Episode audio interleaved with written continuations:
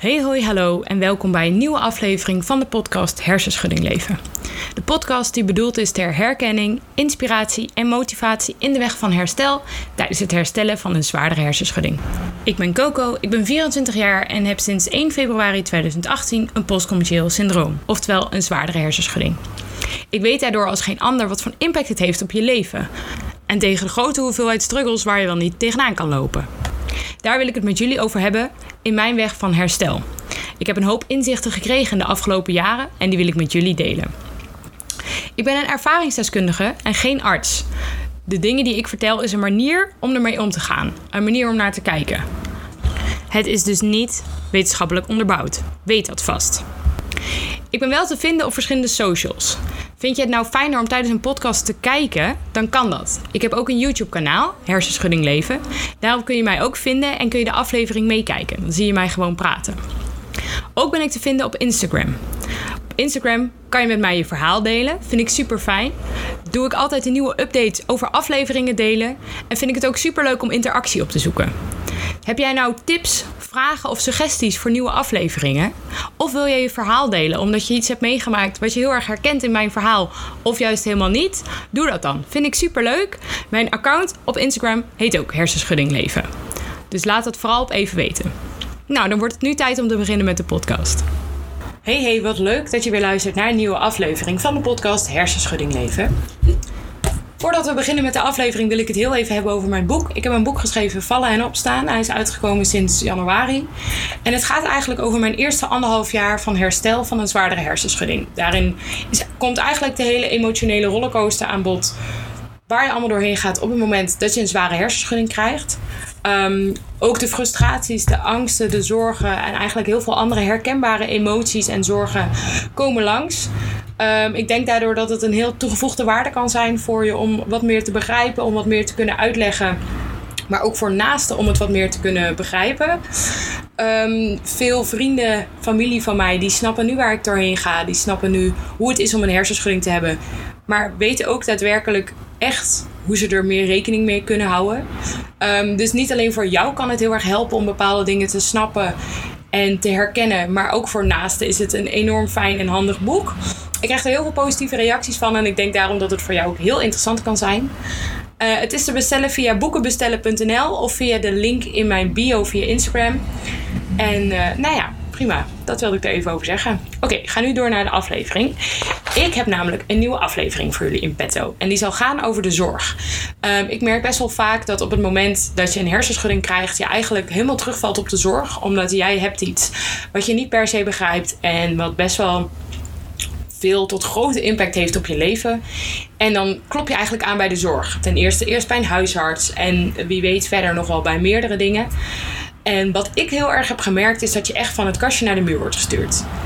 Ze willen je wel helpen, maar ze weten niet zo goed hoe. Of ze zijn niet heel actief ermee bezig. Ik merkte in ieder geval dat ik dat heel vervelend vond. Um, nou, wat ik daar in ieder geval over heb gedaan. Ik heb daar de afgelopen paar weken best wel veel informatie naar gezocht en onderzocht. Um, omdat ik vind dat het belangrijk is dat er meer hulp komt voor ons. En dat het wat actiever gaat. En dat per se niet het initiatief bij ons wordt gelegd. Omdat het gewoon best wel lastig is als je een hersenschudding hebt. Dus wat ik heb gedaan, ik ben een paar weken heb ik me ingezet voor um, de journalistiek. Ik heb daar een opleiding van gevolgd, even kort, een maand. En ik heb daar een artikel over geschreven. Die zal straks in de, uh, de bijschrift van de aflevering staan. En dat heet ook Tussen wal en schip, net als deze aflevering. En die zal heel erg gaan over de zorg. Dus ga dat vooral even lezen. Ik denk dat het heel herkenbaar is, maar ik denk ook dat het misschien heel verklaarbaar is. Um, waarom het soms zo kut is voor ons om bepaalde zorg te krijgen. Maar ik wil ook daar graag wat meer informatie aan geven. En ik denk dat het voor jullie belangrijk is dat ik deze aflevering maak. Omdat het misschien wat meer snapt waarom het soms zo moeilijk is om hulp te krijgen. En dat je weet dat het niet aan jou ligt. Dus daar zal deze aflevering over gaan. Ik heb ook weer een stelling toegevoegd op Instagram. Daar ik val ben te volgen via Hersenschudding Leven. Um, en daar heb ik dus weer een stelling toegevoegd. Omdat ik benieuwd ben of jullie mening hetzelfde was als die van mij. Nou, die kwam dus redelijk overeen. Dus daar straks ook meer over. Beginnen bij het begin. Per jaar worden er ongeveer 140.000 mensen geconfronteerd met het krijgen van een hersenletsel. En een hersenletsel is ook een hersenschudding, want dat is een licht traumatisch hersenletsel. Dus 140.000 mensen per jaar, dat is best veel. 40.000 daarvan blijft daar forse beperkingen aan overhouden ieder jaar. 40.000. Dus 40.000 mensen, daaronder valt PCS, hersenletsel, alles. 40.000. En nog steeds hebben ze niet per se goede hulp. Daar gaat iets niet helemaal goed, denk ik, hè? Dat is uitgekomen uit een onderzoek van de RIVM in 2017. Nou heeft de Hersenstichting zelf ook onderzoek gedaan. Um, en op hersenletseluitleg.nl stonden een paar cijfers die mij wel een beetje choqueerden. 94% van de mensen van een matig tot ernstig hersenletsel zit na een jaar nog thuis. 94%, dat is bijna iedereen. Dat is kapot veel. 76% van die mensen, of van de mensen met matig tot ernstig hersenletsel, heeft cognitieve stoornissen. 67%, dus nog steeds meer dan de helft, heeft gedragsproblemen. 55%, is nog steeds de helft, heeft fysieke problemen. 25% heeft ernstige problemen. 32% keert terug naar werk. 32. Dat betekent dat 68% dat niet doet. En 90% houdt er gevoeligheid voor prikkels voor over. 90%. Nou, ik vond deze cijfers echt schrikbarend. Het zijn er kapot veel. Het zijn niet per se absolute getallen, maar het is wel gewoon hoog percentages. Wat eigenlijk zegt dat best wel veel mensen die een hersenletsel hebben en daarmee forse problemen overhouden, dus veel dingen daar lang aan overhouden. Als een 94% na een jaar nog steeds thuis zit, dat is echt belachelijk. En komt dat door ons? Zeker niet. Komt dat door een lak aan de zorg? Ik denk het wel. Maar goed, zoveel mensen hebben dus last van een zwaardere hersenschudding en ervaren daar zoveel problemen mee. Hoe kan het dan dat wij zo slecht de hulp krijgen? Ik ging hierover in gesprek met een neuroloog en met een huisarts. Want ik dacht, ja, ik kan wel iets speculeren, maar ik wil feiten weten. Ik wil nou echt weten, waarom is het zo fucked up? Ik ging eerst even in gesprek met een huisarts. Ik wilde weten, hoe kan het dat we gewoon niet meteen de juiste hulp krijgen aangeboden. Nou, ik ben zelf ook naar een huisarts geweest. Um, ik heb mijn ongeluk gehad in de nacht. Ik ben toen in de nacht ook naar een huisartspost geweest. Uh, maar ik had best wel wat alcohol op. En ik werd daar toen een beetje weggewuifd. Als in, ik had een gat in mijn tong. En toen zei die vrouw, nou ja, je hebt een sneetje in je tong, komt wel goed. Um, en er werd verder niet eens gepraat over mijn hersenschudding. Terwijl mijn huisgenootje had gebeld naar de huisartspost. En die had gezegd, ze weet niet meer wat er is gebeurd. Ze weet niet meer um, hoe ze thuis is gekomen. Maar ze weet ook niet dat ze tien minuten geleden wel nog boven op de kamer is geweest. Dat is gewoon, dat hele geheugengedeelte is gewoon kapot. Dat is raar. Er is gewoon geen aandacht aan besteed. Helemaal niks. Er werd tegen mij gewoon afgewuifd van, joh, je hebt gewoon wat gedronken. Komt dan wel goed. Je bent eigenlijk nog best wel helder, best wel scherp. Niks aan de hand. Nou, vier dagen later was mijn tong helemaal gehecht, want het bleek toch wel een groot gat te zijn. Um, en toen ben ik opnieuw naar de huisartspost geweest. Want ik zou maandag moeten beginnen met afstuderen bij een bedrijf. En toen dacht ik, ja, ik voel me eigenlijk helemaal niet goed. Dus toen ben ik op zondag nog naar de huisartspost geweest. Omdat ik dacht, ik wil het toch eventjes laten checken. Nou, toen ging die vrouw daar wat motorische dingetjes checken. Dus gaat er dan kijken of dat je motorisch nog goed bent. Nou, daar was, dat was eigenlijk allemaal best prima. En toen zei ik van ja, ik ben best wel een beetje misselijk. Ik heb best wel veel hoofdpijn. Ik ben gewoon wazig. Ik krijg het allemaal niet zo goed mee. En toen zei ze, weet je, je hebt waarschijnlijk een lichte hersenschudding. Blijf even een weekje thuis. Um, dan komt het wel goed. Nou, dus ik bleef een weekje thuis. En daarna toch maar proberen om af te gaan studeren. Maar ik merkte eigenlijk al vrij snel dat dat best wel lastig was. Um, en toen zeiden ze op mijn stage van, weet je wat je doet? Blijf anders even, um, ga halve dagen doen. Dus je mag halve dagen hier komen en daarna ga je gewoon lekker naar huis. Dus ik dacht, nou weet je, is prima, dat gaan we doen. Maar ik merkte wel dat de terugrit naar huis was best wel lastig. Maar ja, als je zelf een hersenschudding hebt, dan begrijp je het waarschijnlijk wel. Alles wat tegen je wordt gezegd is zoveel. Dat je ook zoiets hebt van, weet je, het gaat misschien vanzelf al over. Ik ga het gewoon doen en we zien het wel. Omdat je wil, je kan ook niet zo goed stilstaan bij wat voel ik nou eigenlijk? Wat merk ik nou eigenlijk? Want dat is allemaal al veel te veel. Dus mijn eerste weken gingen eigenlijk op adrenaline. Nou, toen ben ik na een tijdje wel weer bij een huisarts geweest, omdat ik toch dacht: het, het gaat me allemaal toch best wel een beetje moeilijk af. Toen zei mijn huisarts: Weet je wat je moet doen? Kijk op thuisarts.nl bij hersenschudding. En misschien dat je hersenschudding gewoon iets langer duurt dan twee weken. Uh, maar kijk op thuisarts.nl. Nou, daar werd ik helemaal niet wijs van. Want daar staat echt gewoon. Doe de eerste dagen wat rustiger aan. Uh, je mag wel gewoon verder gaan met fysiek en um, fysieke bewegingen en gewoon werken. Uh, maar doe het wat rustiger aan. Maar zorg wel dat je risicosport even vermijdt en dat je alcohol even vermijdt. Dat stond er op thuisarts.nl. En er stond ook uh, dat het soms wel de klachten wat langer konden aanhouden. En dat was dan echt hoofdpijn, duizeligheid. Gewoon eigenlijk alle klachten die ik herkende. Ja, daar heb ik dus helemaal niks aan. Nou, ik vroeg mij af, hoe kan het dat ik hier zo slecht in ben opgevangen? Dat niemand mij heeft gezegd van... joh, het zou best wel eens kunnen dat jij gewoon een zwaardere hersenschudding hebt. En dan is, het niet dan is het best wel belangrijk dat je niet te snel begint met werken. Want dan loop je de hele tijd over je eigen grenzen heen. Je moet eerst rust nemen. Dus ik ging hierover in gesprek met een huisarts. Nou, ten eerste zei die huisarts... Een hersenschudding is in het begin eigenlijk nog helemaal niet heel erg zichtbaar. In ieder geval de ernst ervan. Um, ze maken heel erg onderscheid in hoeveel hoofdpijn heeft iemand, is iemand aan het braken um, en hoe is het geheugen. Dat zijn eigenlijk voor hun de criteria. Op het moment dat jij alcohol op hebt en je gaat naar de huisartspost, zijn best wel wat huisartsen hier best wel laks in en die hebben zoiets van: weet je, dit komt allemaal ook overeen met het drinken van alcohol. Daar word je ook een beetje wazig van. Dan heb je ook geen goed evenwicht meer. Ook dan kan je geheugenproblemen hebben. Het zal wel alcohol zijn. Dat was dus de verklaring waarom mijn eerste diagnose er helemaal niet was.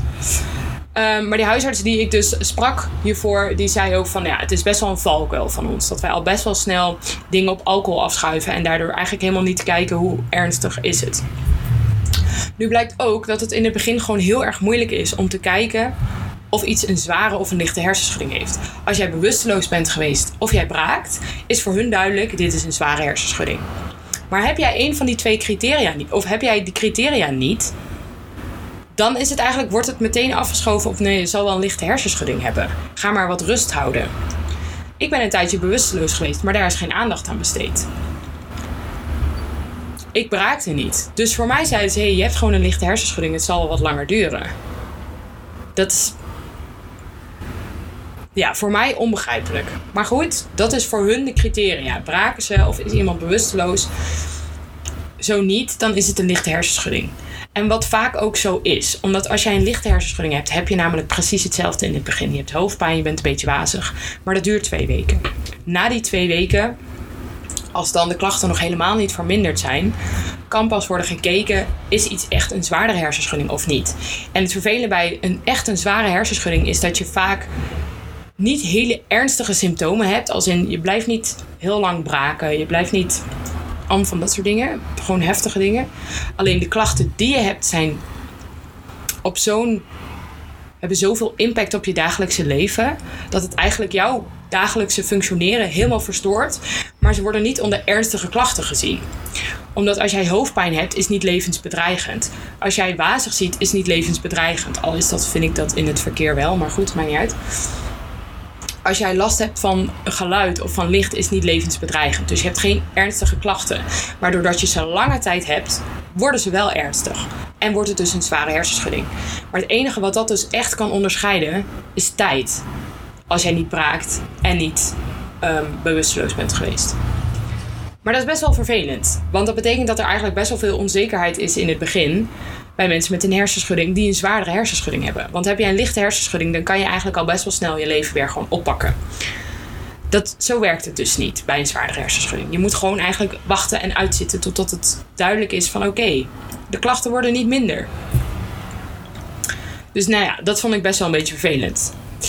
Nou ja, zoals je waarschijnlijk wel weet, mensen met een hersenschudding, vooral met een zwaardere hersenschudding, zijn in de war Um, de hersenen kunnen niet goed meer schakelen, waardoor reactievermogen, concentratievermogen en geheugen vaak tekort leidt. Um, ik heb hier een aflevering over gemaakt. Volgens mij ging het over prikkelverwerking, waarin ik het had over de verschillende mechanismes um, die een beetje aangeven hoe het kan dat je prikkels op een andere manier verwerkt op het moment dat je een zwaardere hersenschudding hebt. Maar dat heb je dus. En je bent in de war. En wat vaak ook nog is, is dat je eigenlijk constant overprikkeld bent. Omdat jouw hersenen het gewoon niet meer aankunnen. Zoals ik al zei, via die mechanismes. Ze moeten zijpaadjes nemen. Het werkt allemaal niet meer. Dat betekent dus dat constant alles te veel is. Alles is te veel. En dan? Wij zitten daarmee. Wij hebben een hersenschudding. Voor ons is het allemaal te veel. Hoe worden wij geholpen? Um, ik vond het daardoor best wel lastig in die tijd om na te denken over wat heb ik nodig? Wat voel ik? Waar heb ik behoefte aan? Hoe kan ik geholpen worden? Ik ging naar de huisarts. Die zei: kijk maar op thuisarts.nl.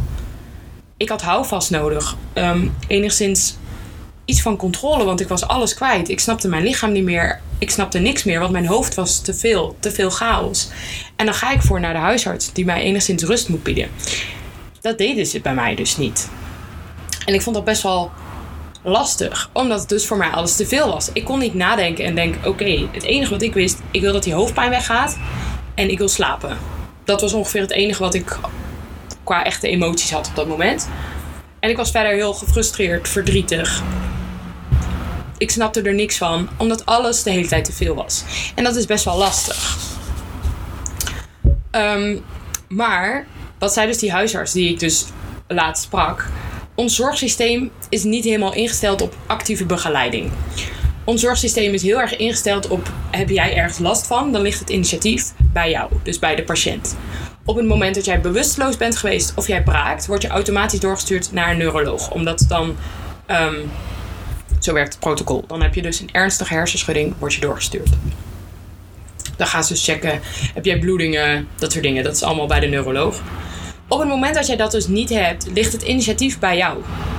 Dus dan moet jij elke keer naar de huisarts om aan te kaarten: het gaat nog niet beter, het gaat nog niet beter, ik wil hulp, ik wil dit, ik wil dat. Maar kun je even voorstellen, ja, waarschijnlijk wel, dat je dus een hersenschudding hebt, waarbij alles constant overprikkeld is, constant te veel. En dan moet jij ook nog de hele tijd het initiatief nemen. Ik weet niet of je wel eens ja, waarschijnlijk is het gewoon heel herkenbaar voor je. Maar je hebt ook wel eens dat je gewoon heel erg moe bent. En als je dan nog moet gaan nadenken over om iets op te lossen, dat kan niet. Je hersenen kunnen dan niet meer denken. Je voorste gedeelte van je hersenen, je neocortex, zetten zich vaak uit op het moment dat je heel erg moe bent. Waardoor je niet meer heel realistisch kunt nadenken. En waardoor je oplossingsvermogen een beetje ja, afvlakt. Je kan gewoon niet meer daar goed over nadenken. Op het moment dat jij een hersenschudding hebt, zit jouw hele hersenen zijn te vol, te overprikkeld. Kan jij niet helder meer nadenken: wat heb ik nodig? Welke hulp kan mij nu het beste bieden? Je kan je lichaam amper goed aanvoelen. En dan ligt het initiatief bij ons. Wij moeten naar de huisarts en zeggen: yo, hey, het is nog steeds niet over, help. Dat is dus echt één grote mindfuck in ons zorgsysteem. Waarom ligt het initiatief bij mensen die een hersenschudding hebben? Bij mensen die in de war zijn? Bij mensen die niet kun, goed kunnen aanvoelen wat ze nodig hebben. Nou, dat ligt dus echt. Dat is al echt fout nummer één. Waarvan ik zou denken: dit moet helemaal anders. Maar het is misschien wel voor jou duidelijk om waarom het zo lastig is om soms zorg te krijgen. Daarbij is ook nog het feit dat PCS, dus een postcommercieel syndroom, oftewel een zwaardere hersenschudding, die term bestaat pas 20 jaar. Dat is nog niet zo heel lang. Dat is eigenlijk in de zorg nog best wel nieuw.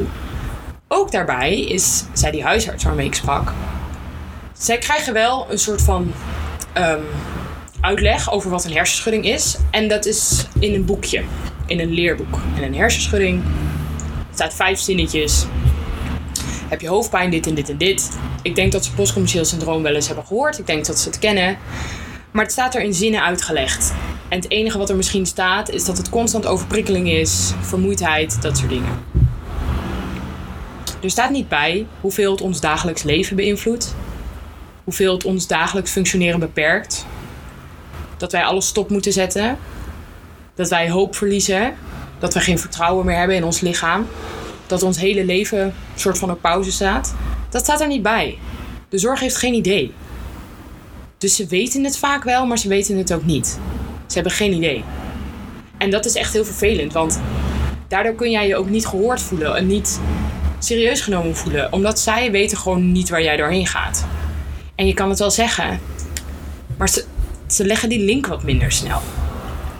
Ze hebben niet meteen van, oh, oké, je, je valt op je arm, je arm is kapot, top. kunnen we een foto maken en kunnen we zien, oké, je arm is gebroken. Dat hebben ze niet. Omdat het ook best wel kan zijn dat ze denken, oh, er is iets anders aan de hand. Of ze leggen die link niet meteen van, oké, dit is een postcommercieel syndroom. Dat heeft niet alleen invloed op hoe zij kijken naar de wereld, maar ook op hun hele binnenwereld. Dus ook de hele mentale shift. Alles is gewoon anders. Dat snappen ze niet. En ze snappen het. Nee, ja, ze snappen het gewoon niet. Ze voelen misschien wel met je mee en ze denken: oh ja, wat erg. Maar ze snappen het niet. En dat vind ik echt iets wat. Kijk, zorg is vaak heel erg. Bij een huisarts. Je hebt huisartsen die heel erg met je meedenken. Je hebt huisartsen die dat minder doen. Um, mijn huisarts was wel heel erg medelevend. Als in, ze vond het heel vervelend voor me. Maar het was vaak... Ga maar even kijken wat er mogelijk is en dan schrijf ik wel een verwijzing. Um, ga maar even... Jij wil naar een neuroloog. Want uiteindelijk kwam ik daar bij haar. Ik zei, ja, ik, ik weet het niet meer. Ik, ik heb hulp nodig. Ik denk dat er iets kapot is, want het gaat gewoon niet goed. En toen zei ze: Oké, nou ja, dan kan ik u doorverwijzen naar een neuroloog. Dat kwam pas na vier maanden. Vier maanden. Ik liep al vier maanden met die onzin. En zo was het elke keer. Dan was het oké, welke neuroloog wil je? Oké, wil jij revalidatie? Prima, zoek maar een revalidatie. Dan schrijf ik wel iets voor. Zo was het elke keer. Het was elke keer werd ik van kastje naar de muur gestuurd. Dus ik wilde iets. Dan moest ik eerst er heel lang over doen om te bedenken wat ik precies wilde. Terwijl ik wist heel goed wat ik wilde. Ik wilde hulp. Ik wilde iemand die mij snapte, iemand die mij begreep. Maar dat konden ze mij niet bieden, want dat kenden ze niet. Dus dan was het oké, jij wil dit, prima, ik zorg wel voor een verwijzing.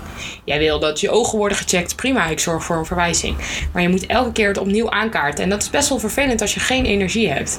En als je ook in de war bent. Dus nou ja, oké, prima. Ik ben dus uiteindelijk nog een paar keer bij de huisarts geweest. En um, omdat ik toen ging stoppen met me afstuderen. En toen zei ze tegen mij van hoeveel, wat voor medicatie gebruik jij nu? Ik zo, nou, ik slik elke dag paracetamol en ibuprofen. Zei ze, oké, ja, het is echt niet goed als je elke dag ibuprofen slikt. Toen dacht ik, ja, oké, heb jij iets beters? Ja, dat had ze dan niet. Toen dacht ik, ja, dat is best wel irritant. Want ik heb gewoon de hoofdpijn. Het wordt niet minder. Je kan mij geen hulp bieden waardoor het eventueel minder zou kunnen worden. Ik weet niet eens wat ik moet doen. Het enige wat ik te horen krijg is: wat ik doe, doe dat niet. Wat moet ik dan wel doen? Dus nou, ik uiteindelijk van ja, ik wil naar een neuroloog. Ik wil kijken of dat mijn hersenen niet kapot zijn. Dus toen werd ik doorgestuurd naar de neuroloog. En uh, ik zal even voorlezen wat er in mijn uh, patiëntendossier stond. Want uh, het, misschien is het wel herkenbaar. Patiënt presenteerde zich op de polykliniek neurologie in verband met diverse klachten, ontstaan na een ongeluk waaronder hoofdpijn, wazig zien, woordvindstoornissen, geheugenproblemen, overgevoeligheid voor prikkels, doorslaapproblemen, zwalkend lopen en een licht gevoel in het hoofd. Patiënt is gestopt met studie in verband met klachten. Patiënt is tevens gestopt met bijbaan en sporten. Patiënten vindt het herstel van hersenschudding te langzaam gaan en vraagt zich af of er iets mis kan zijn in het hoofd. Neurologisch onderzoek toonde geen afwijkende bevindingen. Dit verslag werd gemaakt nadat ik bij de neuroloog was geweest. Dus dit verslag is van dat ik daar ben geweest. Um, het eerste was dus waarom ik daar was, is dat ik bepaalde klachten had. Neurologisch onderzoek zei dus dat er geen rare dingen waren. Dus ik had geen hersenletsel. Uh, met patiënten en moeder werd besproken dat na een val op het hoofd diverse klachten gedurende maanden tot een jaar kunnen blijven aanhouden. Patiënten werd geadviseerd regelmaat in het dagelijks leven na te streven, lichamelijk actief te zijn, op tijd rust te nemen en activiteiten langzaam uit te breiden. MRI zal geen toegevoegde waarde hebben.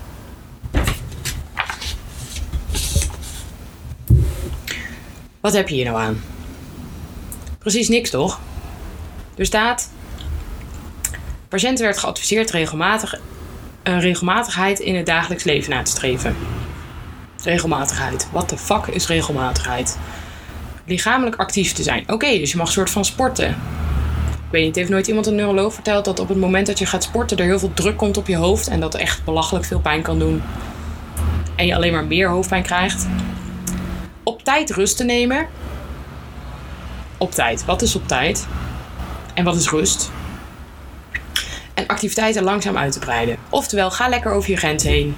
Ajuus. Nou, ik vond dit dus. Nou, Misschien hoor je enige frustratie in mijn stem, maar ik weet nog dat ik bij die neuroloog was geweest en dat ik dacht: wauw, ik heb hier helemaal niks aan. Dit is toch geen antwoord? Dit is toch geen hulp? Het enige wat ik heb gehoord is: oké, je hebt geen hersenletsel. Maar wat heb ik dan wel? En hoe moet ik beter worden? Regelmaat, regelmaat en wat? Moet ik dan elke dag om een bepaalde tijd opstaan en eten? Moet ik elke dag wel gaan werken? Moet ik niet gaan werken? Langzaam activiteiten uitbreiden. Wat is dat? Ehm, hoe moet je rust nemen op tijd? Wat, wat is rust? Wat, wat vinden mensen rust? Is dat slapen? Of is dat televisie kijken? Of is dat lezen? Of... Ik werd hier dus niet heel duidelijk van.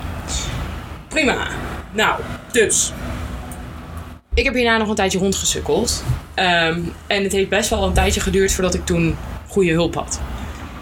Ik ben hierover ook in gesprek gegaan met een neuroloog, twee weken geleden. Ehm, en die zei het volgende tegen mij. Hersenen zijn een plastisch mechanisme. Ze hebben de kunst zichzelf te kunnen verbeteren, versterken en trainen. Het verschilt per persoon hoe iemand reageert op een traumatisch ongeval. Net als bij een proef bij muizen. Er kunnen twee verschillende muizen zijn, die allebei een even harde klap krijgen op hun hoofd. En bij één muis krijgt er vocht om, komt er vochtophoping in het hoofd en bij de andere is er eigenlijk niks aan de hand.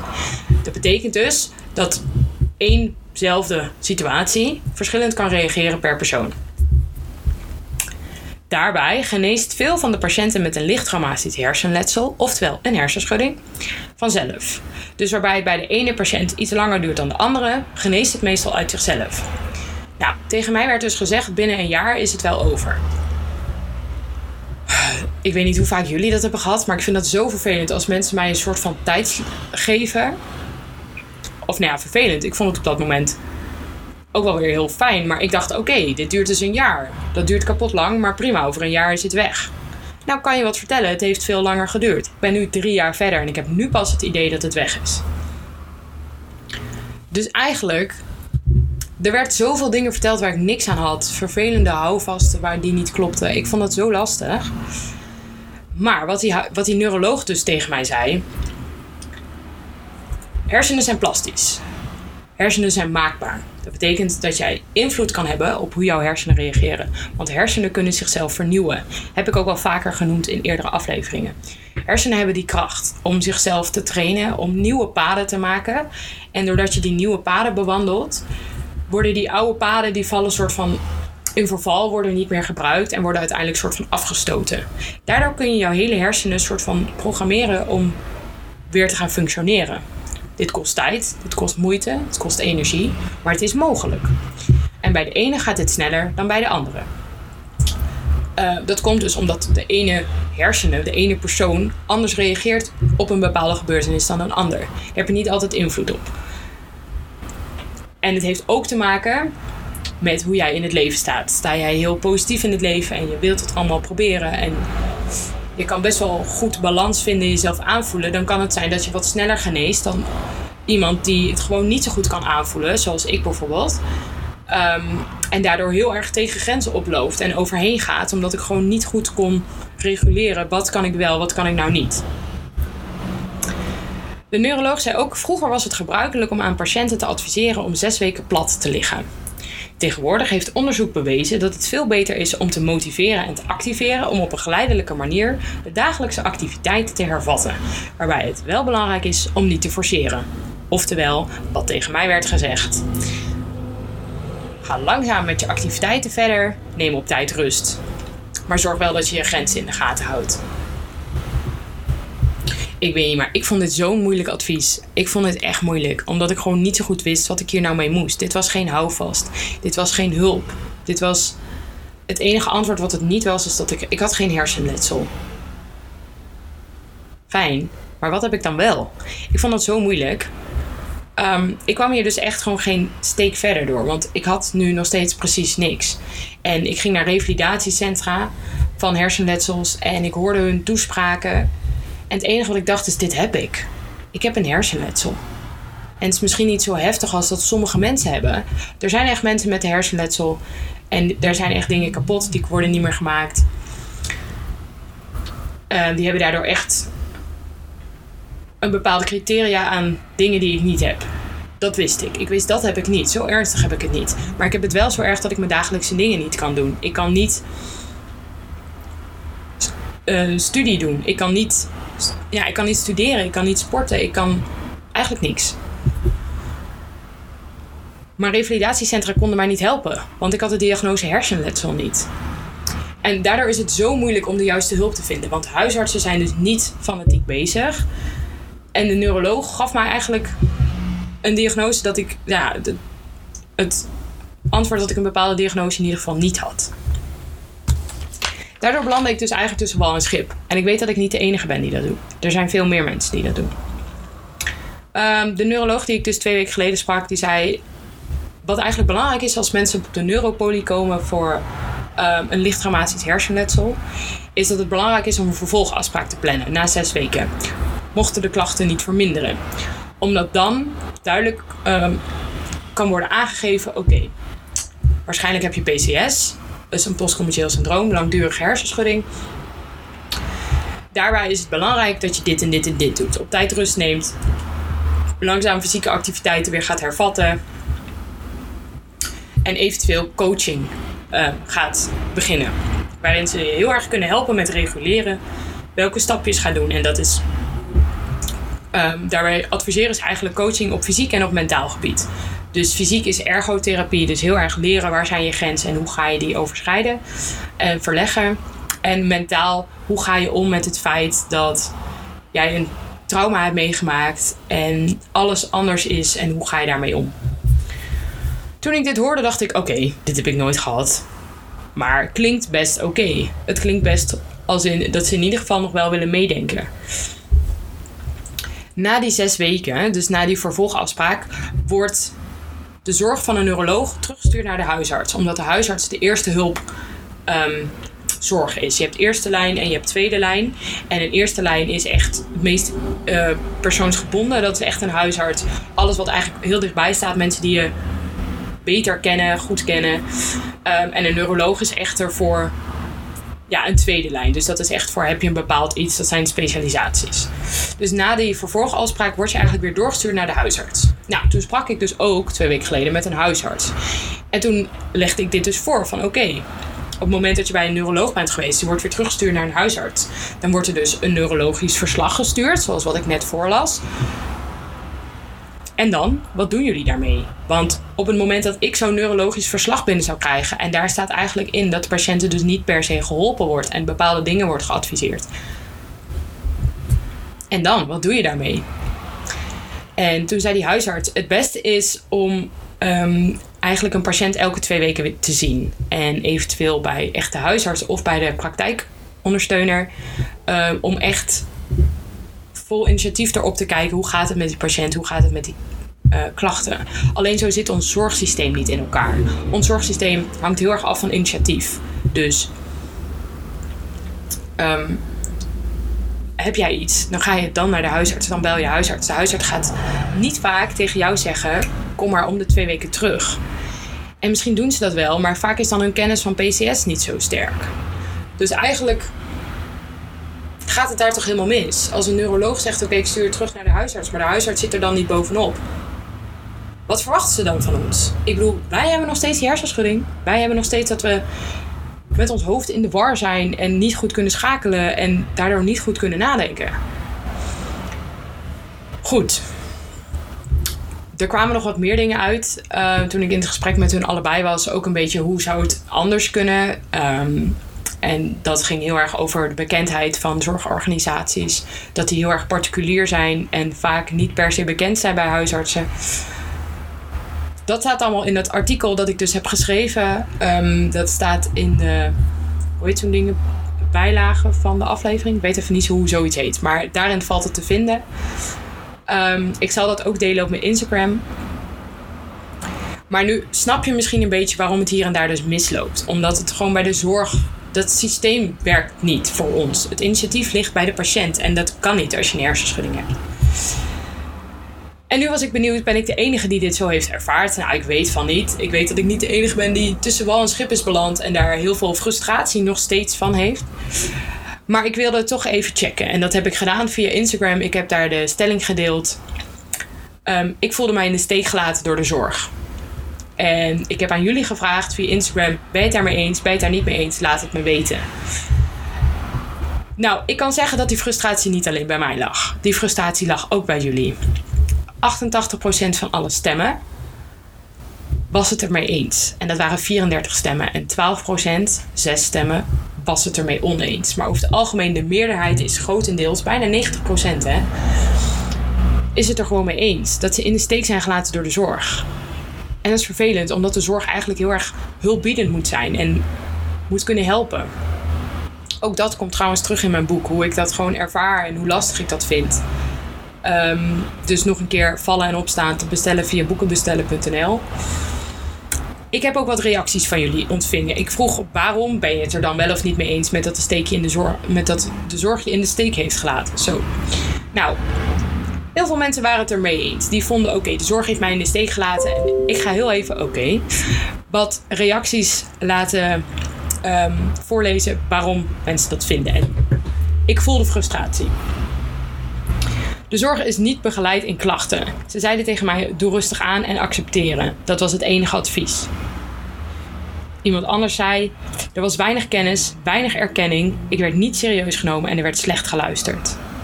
Iemand anders voelde zich onbegrepen. Um, ik heb ook een reactie. Het voelt echt zo alsof je zelf het wiel moet uitvinden. En laat je daar nou net de energie niet voor hebben. Zo herkenbaar. Het wordt echt. Wij moeten het allemaal maar uitvinden. Maar dat kan helemaal niet. Uh, er was geen hulp of geen advies. Je moet zelf bedenken als je naar een neuroloog of revalidatie wil. Precies, nou daar had ik dus ook last van. Uh, er werd heel luchtig over gedaan. Het was alsof het niks was. Dat echt had ik ook. Alsof het gewoon in je hoofd zat. En mensen zeiden het ook van ja, misschien zit het al in je hoofd. Misschien praat je het jezelf al aan. Misschien hou je jezelf al in die waan. Terwijl, hallo, een PCS is echt geen grapje. Het is echt heel heftig. Een andere reactie was: ze weten het zelf niet, maar durven het niet te zeggen. Dus dan gaan ze maar gewoon dingen proberen en dan moet je dat zelf ook maar doen. Dat denk ik ook wel een beetje. Ik denk gewoon dat het zoveel onbekendheid is rondom PCS, dat huisartsen daar gewoon niet heel actief mee bezig zijn. En ook neurologen. Ik denk dat neurologen misschien de impact van PCS een beetje voor lief nemen. Neurologen zijn echt heel erg voor echt hersenletsel. En als uit hun onderzoek blijkt dat jij geen hersenletsel hebt, houdt hun hulp soort van op. Omdat zij kunnen dan eigenlijk niks meer voor je betekenen. Al zou ik denken, iedereen met een zwaardere hersenschudding komt alsnog wel bij jou. Dus je kunt in ieder geval toch iets aangeven van, nou, er is hier revalidatie of eventueel mogelijkheden. Um, wat eventueel hier nog mogelijkheden voor zijn. Of wat ik nu voor een hulp heb. Daar wil ik volgende keer met jullie over hebben. Omdat ik denk dat dat ook heel fijn is. Maar ik dacht eerst even dit. Maar ik heb nog meer reacties. De eerste tip was: doe rustig aan. Maar wat is rustig aandoen? Nou, precies. De zorg weet weinig over PCS, waardoor het ook niet kan weten waar je terecht kan. Ja, dat denk ik ook. Er worden zelf aannames gedaan, terwijl eigenlijk hun vakgebied is om het goed te onderzoeken. Zeker. Je hoopt op hulp, maar je moet heel veel zelf uitzoeken. En daar heb je precies het puff niet voor. Nou ja, heel inderdaad. Um, ik voelde me in de steek gelaten door de reguliere zorg. Veel professionals weten niet dat PCS-klachten heel lang kunnen aanhouden en hoe je hiermee moet omgaan. Ja, inderdaad. De huisarts wist er niks van af en zei dat ik gewoon maar moest doorwerken. Ja, dat is echt het domste advies wat je kan krijgen. Maar ja, echt vervelend. Zelfs de revalidatiearts heeft mij gezegd, heeft mij niks gezegd over invloed van visie of evenwicht. Laat staan over zenuwstelsel. Ja, dat is echt erg. Hè? Ik denk zelf inderdaad dat sommige revalidatieartsen niet eens weten hoe je ze jou het best kunnen helpen. Um, ze zeiden alleen iets over rust. Verder werd er geen actie ondernomen. Vooral door de huisarts. Die zei: Je hebt geen hersenschudding, want je bent niet bewusteloos geweest. het is vervelend hè, dat ze bepaalde criteria houden voor ernstige hersenschudding. Terwijl als je naar ons allemaal kijkt. Het is toch niet normaal? Ja, ik kan er gewoon echt niet over uit. De reguliere zorg is heel erg gericht op het omgaan met en niet om het behelpen van. Ja, dat denk ik ook inderdaad wel. Ik merk gewoon met al deze reacties, er zit gewoon frustratie in. Ik merk ook gewoon dat het mij iets doet. Ik vind het gewoon vervelend dat het zo bij ons wordt neergelegd dat we gewoon niet serieus worden genomen, dat we geen echte hulp krijgen aangeboden, terwijl het is zo lastig, het is zo moeilijk. En ik denk, juist mensen met een zwaardere hersenschudding moeten zo begeleid worden en echt mee aan de hand genomen worden. Want die mensen kunnen het niet zelf. En je laat ze zo aan hun lot over. Ik vind dat gewoon zo onrechtvaardig. Gelukkig waren er ook een paar mensen oneens met de stelling dat ze in de steek gelaten waren door de zorg. En daar heb ik ook wat reacties van. Ehm, ik heb mijn eigen specialisten gezocht. En daar heeft iedereen blij aan meegewerkt. En iemand anders zei, particulier of alternatief, waren er wel gelukkig. En die hadden wel mogelijkheden voor mij. Dat ervaar ik ook wel. Ik denk als je wat. Ik zit zelf nu ook bij alternatieve zorg. En um, ik merk als je daarover overprikkeling hebt, kunnen ze je helpen. En dan hoeft het niet eens per se hersenschudding gericht te zijn. Maar dan zijn particuliere zorgsystemen die je wel kunnen helpen. Maar goed, daar kom ik volgende keer op terug. En uh, iemand anders zegt, inmiddels heb ik goede toppers gevonden. Optometrist, uh, fysiotherapie en zo. Ze bestaan dus echt.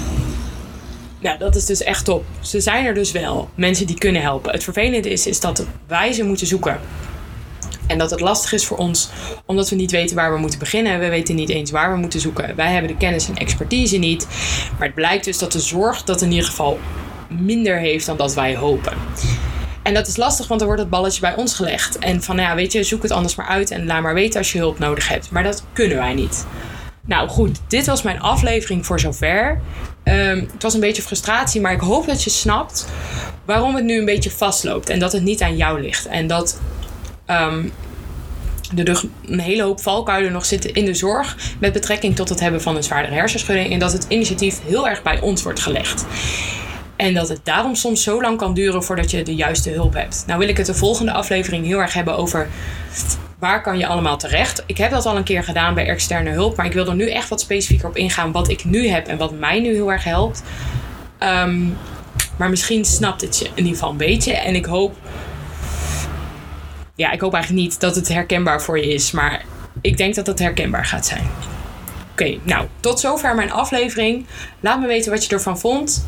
En ik zie jou graag bij de volgende. Oké, doei doei! Dit was het weer voor deze keer. Ik hoop dat je het interessant vond en dat je het leuk hebt gevonden. Vond je nou iets herkenbaar of heb je juist iets totaal anders ervaren? Laat het me dan weten via Instagram. Dat vind ik echt super leuk. Het account was Hersenschudding Leven. Luister jij via Apple Podcast of iTunes, dan heb ik nog een laatste vraag voor je. Door middel van de sterren kun je daar aangeven hoe hoog een podcast in de ranking komt. Hoe hoger de podcast in de ranking komt, hoe meer mensen de podcast kunnen vinden. Dan kunnen meerdere mensen zich herkennen in de afleveringen en zo kunnen we elkaar allemaal een stukje helpen. Als je dat voor mij nog zou willen doen, vind ik je echt een topper. Oké, nou, tot de volgende keer. Doei doei!